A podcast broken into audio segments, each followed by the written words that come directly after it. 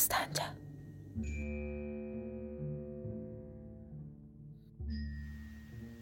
Gəl qızım, gəl qorxma. Rahat olarsan. deyə hamama apardı. Bizim hamamımız 2 saata qədər çəkdi. Hamamdan razı qaldıq. Biz İran evlərində belə mədəni hamam olduğuna heç də inanmazdıq. Çay mizi balkonda qoyulmuşdu. Xanın evinin qabağı çiçəklik və böyük bağçalıq idi. Onun dediyinə görə Mərənd şəhrinin evləri tamamilə bağlıq və bağçalıq içindədir. Amerikalı qız yalnız bir stəkan çay içə bildi. Çox xəstə idi. Mən e, bəlkə siz rahat olmaq istəyirsiniz? Dedikdə o E, icazə versəydiniz rahat olardım. dedi. Əhməd xan ayağa qalxdı. Məni özü ilə bərabər götürüb üç döşənmiş otaq göstərdi.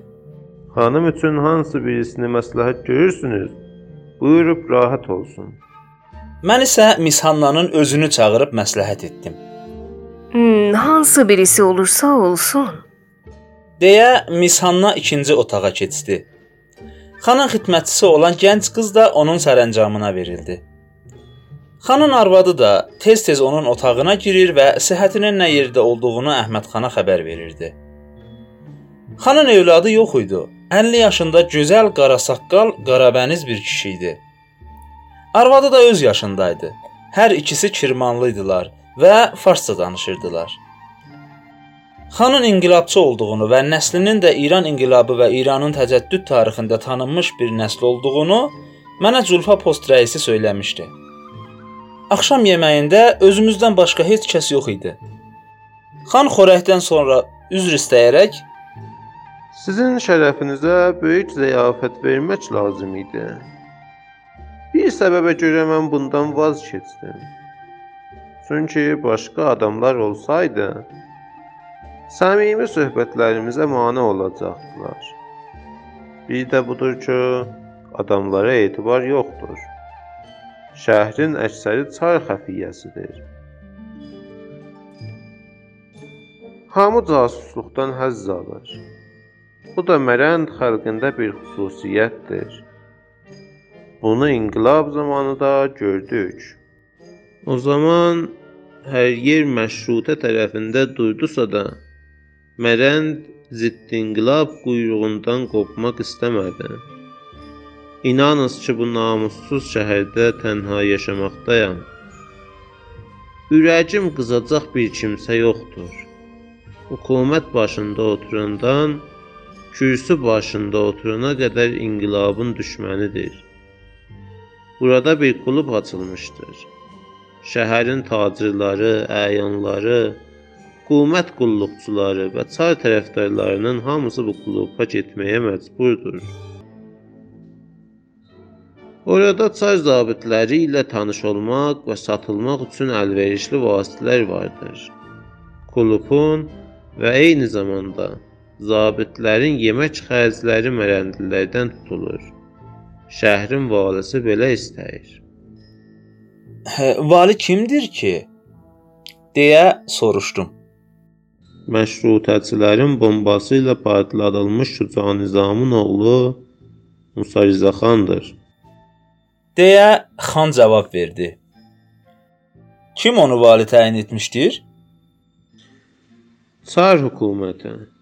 Çünki çar ordusu Araz çayını keçişdə o qurbanlar və hədiyyələrlə istiqbala çıxdı. General Senariskinin atının cilovuna düşüb evinə gətirdi. Onun üçün də Mərənd hakimi təyin edildi. Ruslar hər işə əl uzatdı. Beynəlmiləl qanunları pozdular. İkinci internasionala ərizə verdiksə də bir şey çıxmadı.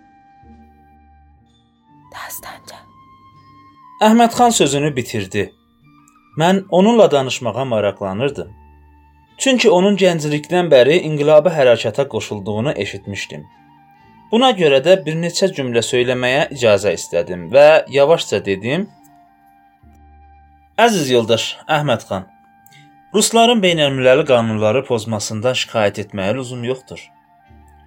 Çünki beynəlmiləl qanunlara baxan bir hökumət özgənin məmləkətinə soxulmaz. İkinci, internasionalın da sizə bir köməyi ola bilməzdi. Çünki o da kapitalistlərin bir cür istismar orqanıdır.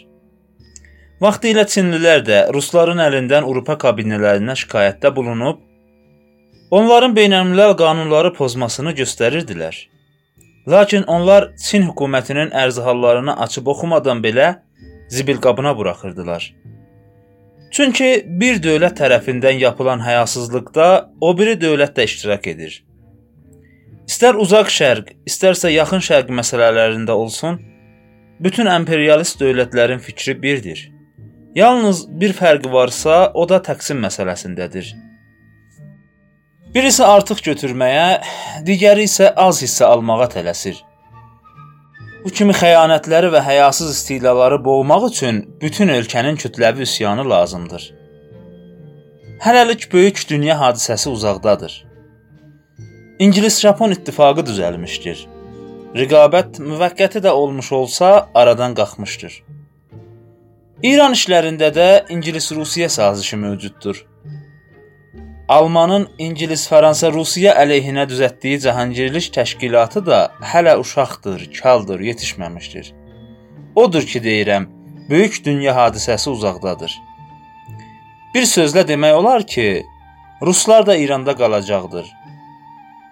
Digər bir məsələ daha vardır ki, o da İran inqilabının dünya inqilabı təşkilatları ilə əlaqə bağlamasına mane olmuşdur. Əhməd xan burada diksindi və O məsələ hansıdır? deyə soruşdu. Dinləyin əziz yoldaşım. Tariximiz çox uzun, inqilabi tariximiz isə çox qısadır. Təcəddüd tariximiz dini mahiyyətdə və İttihad İslam şüarları ilə başlandığından beynəlmiləl inqilabçı təşkilatların diqqət nəzərini cəlb edə bilməmişdir. Biz burada misal üçün İranın təcəddüd tarixində görkəmli yer tutan Mirzə Ağaxan Kirmanlını götürə bilərik. O inqilab məsələsinə din, məzhəb və İttihad İslam məsələsini bir yerdə həll etmək istəyirdi və ya onun yaxın rəfiqi və İran hökumətinin düşməni olan Şeyx Əhməd Ruhini götürmüş olsaq, yenə də o dini, məzhəbi, inqilab şüarları ilə bir yerdə qarışdırmaqdan əl çəkə bilmirdi. Bunların rəhbəri olan Seyid Cəmaləddin Əfqaninin özü də İttihad-ı İslam əsasında bir inqilab yaratmağa çalışırdı. Əlbəttə, bu hərəkatın beynəlmiləl inqilabçı təşkilatlarla heç bir əlaqəsi ola bilməzdi. Buna görə də Əhməd Ruhi və İstanbul konsulu Mirzə Həsənxan Xəbirülmülk və Ağayi Kirmanın öldürülməsi ilə onların başladığı hərəkatda bitdi. Xan təəccüblə soruşdu: Nə üçün? O hərəkata inqilab hərəkatı demək doğru deyildir. Hazırki inqilab haman qarmaqarışıq inqilabın davamı olsaydı, Qafqaz işçi sosial demokratları da ona qoşulmaz və yardım verməyi öhdəsinə götürməzdi. Xeyr. Məncə bu doğru deyildir. deyə xan etiraz etdi. Şeyx Əhməd Ruhi kimi simaların adını inqilab tarixindən çıxartmaq, onları yalnız təcəddüd tarixində göstərmək doğru deyil. dedi. İttihad İslam hərəkatı başqa, sinfi mübarizə hərəkatı isə başqadır. Bunları bir-birinə qarışdırmaq olmaz. Şeyx Əhməd Ruhinin xüsusi möhründəki şüarı mənə oxuya bilərsinizmi? Xan Xeyr. Oxuya bilmərəm. Dayi İttihad İslaməm. Əhməd Ruhi Ahmədi naməm. Cənab xan, indi gördünüz ki, İstər Şeyx Əhməd, istərsə onun yoldaşlarının fəaliyyət tarixi İttihad İslam hərəkatının tarixi ilə əlaqədardır. Bunlar intibah tarixinin müəssisləridir. Bunlar yeni fikri meydana atmışdılar, ancaq bu fikr İslam mühitinə aid bir fikir olduğundan beynəlmiləl bir əhəmiyyət qazana bilməz və beynəlmiləl işçi təşkilatlarının məhəbbətini əldə edə bilməzdi. Buna baxmayaraq, mən Şeyx Əhməd Ruhi və yoldaşlarının tarixi bir sima olaraq böyük bir maraqla öyrənməyə çalışmışam. Onların Qacar xandanı əleyhinə çalışması və Qacar cəlladları tərəfindən öldürülməsi də İranda özlərinə qarşı bir hüsnü təvəccüh oyandırmışdır. Bunu da əlavə etməlidir ki, təriqət, əqidə, təfriqə yuvası olan İranda İttihad İslam fikrini aralığa atmağın özü də bir müvəffəqiyyət sayılmalıdır. Lakin bu fikir İranda doğulmuş orijinal bir fikir deyildir. Bu fikir Əbdülhəmidin fikridir. Vaxtilə ordusu, cəngin afqanı və əskəri ilə Avropanı titrədən Osmanlı dövləti Avropa və Asiyada öz nüfuzunu itirdiyi zaman Əbdülhəmid dövründə İttihad İslam fikri kimi çürük bir fikri meydana atdı və onunla da İslam dünyasını öz ətrafına toplamaq fikrinə düşdü. Seyid Cəmaləddin, Əhməd Ruhi, Ağaxan da Əbdülhəmidin siyasətini davam etdirdilər. Xan bu sözümə də etiraz edərək dedi: Xeyr, onların fikri Əbdülhəmidin fikri olsaydı, Əbdülhəmid onları İstanbulda həbs etdirib İran hökumətinin bıçağı altına verməzdi.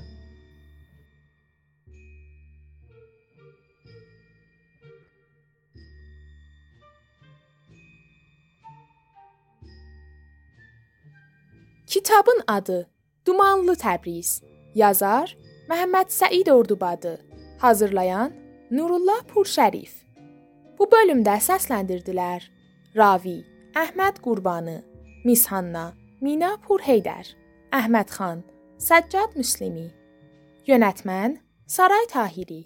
Düzənləyən Səccad Müslimi. Bizim axağa qatılmaqla işimizin ardını tutmaqda bizə dəstək olun.